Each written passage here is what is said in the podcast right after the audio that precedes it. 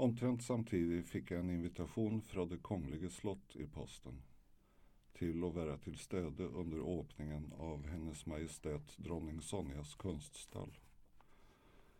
Icke långa vägen från Konstnärernas hus och fullt möjligtvis jag bröt upp från bordet lite tidigare. Dessvärre gjorde jag det och inte med för andra gång i detta livet att göra mig skyldig i majestätsförnärmelse.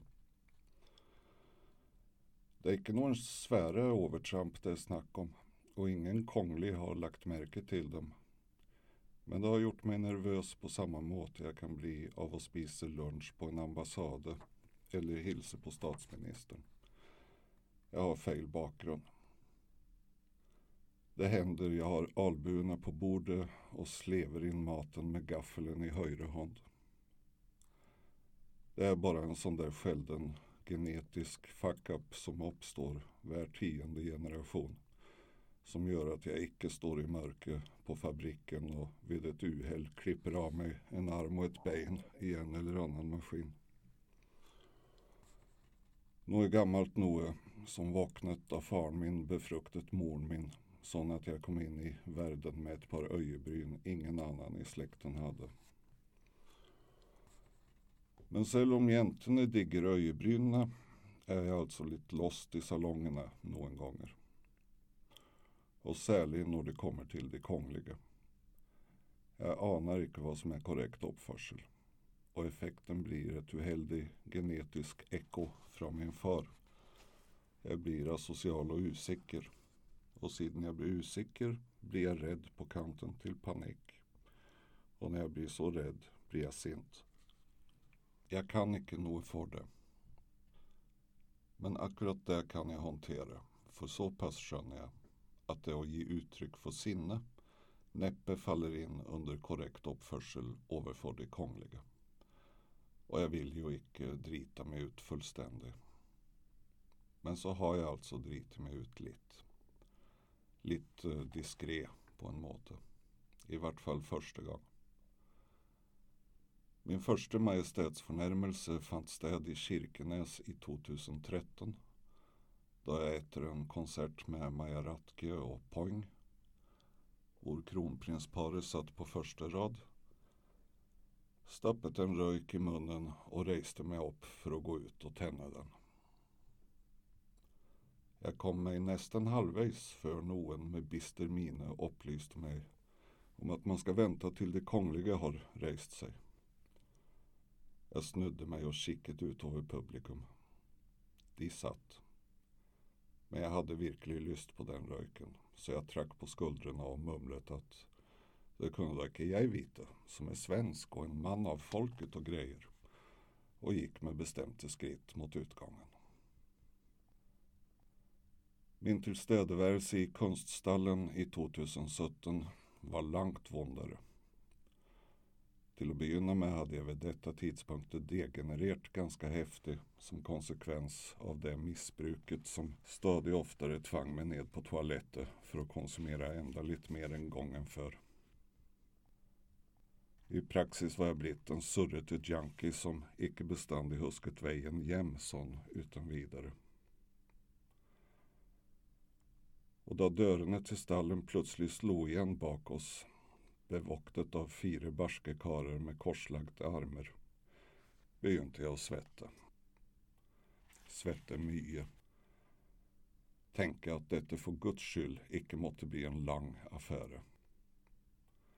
Så kom dronning Sonja och prinsessa Märta Louise och satte sig till rätte på en scene med var sin mikrofon.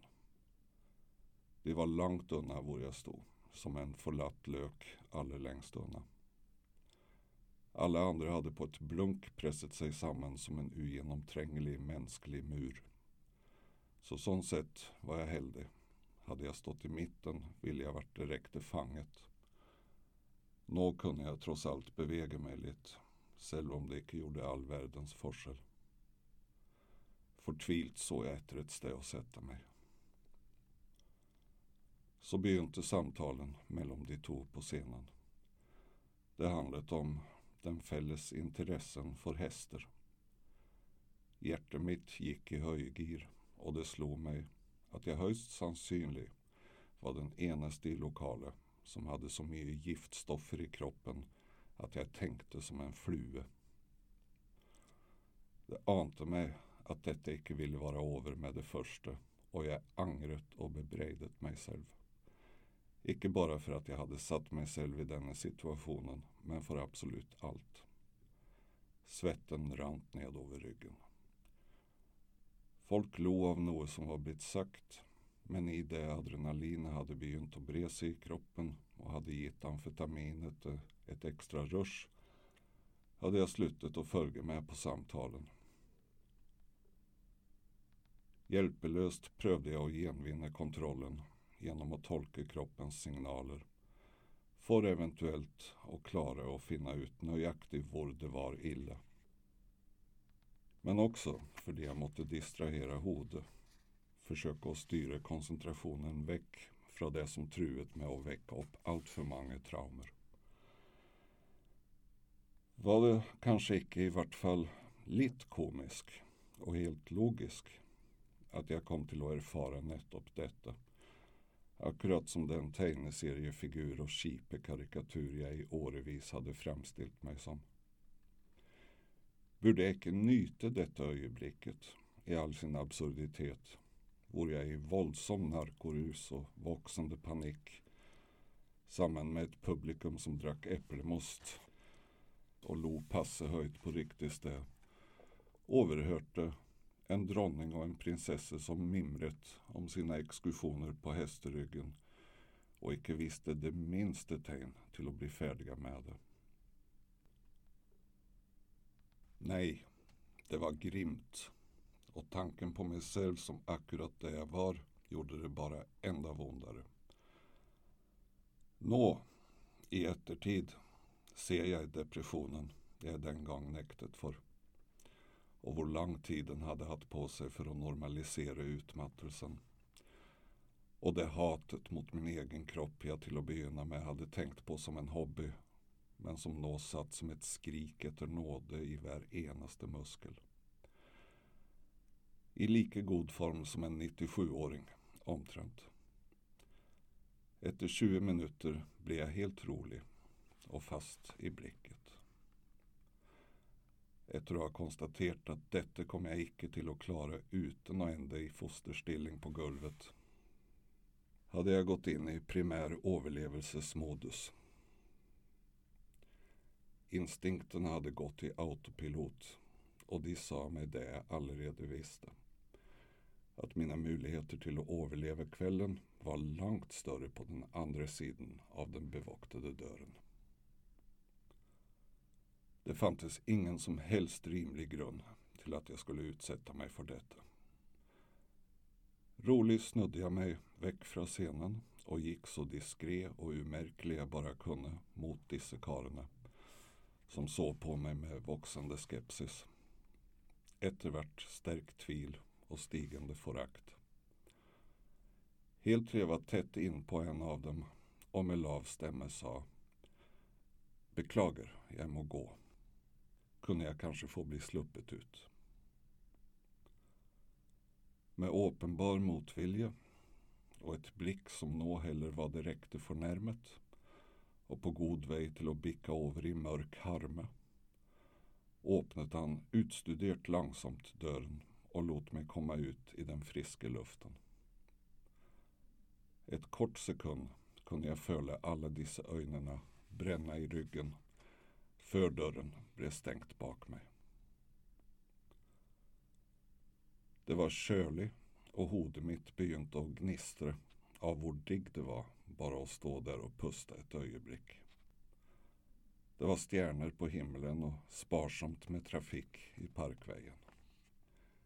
Jag tände en röjk och gick mot litteraturhuset. Klar över att jag nettopp hade begått min andra majestätsförnärmelse. Det gjorde mig trist till sinns.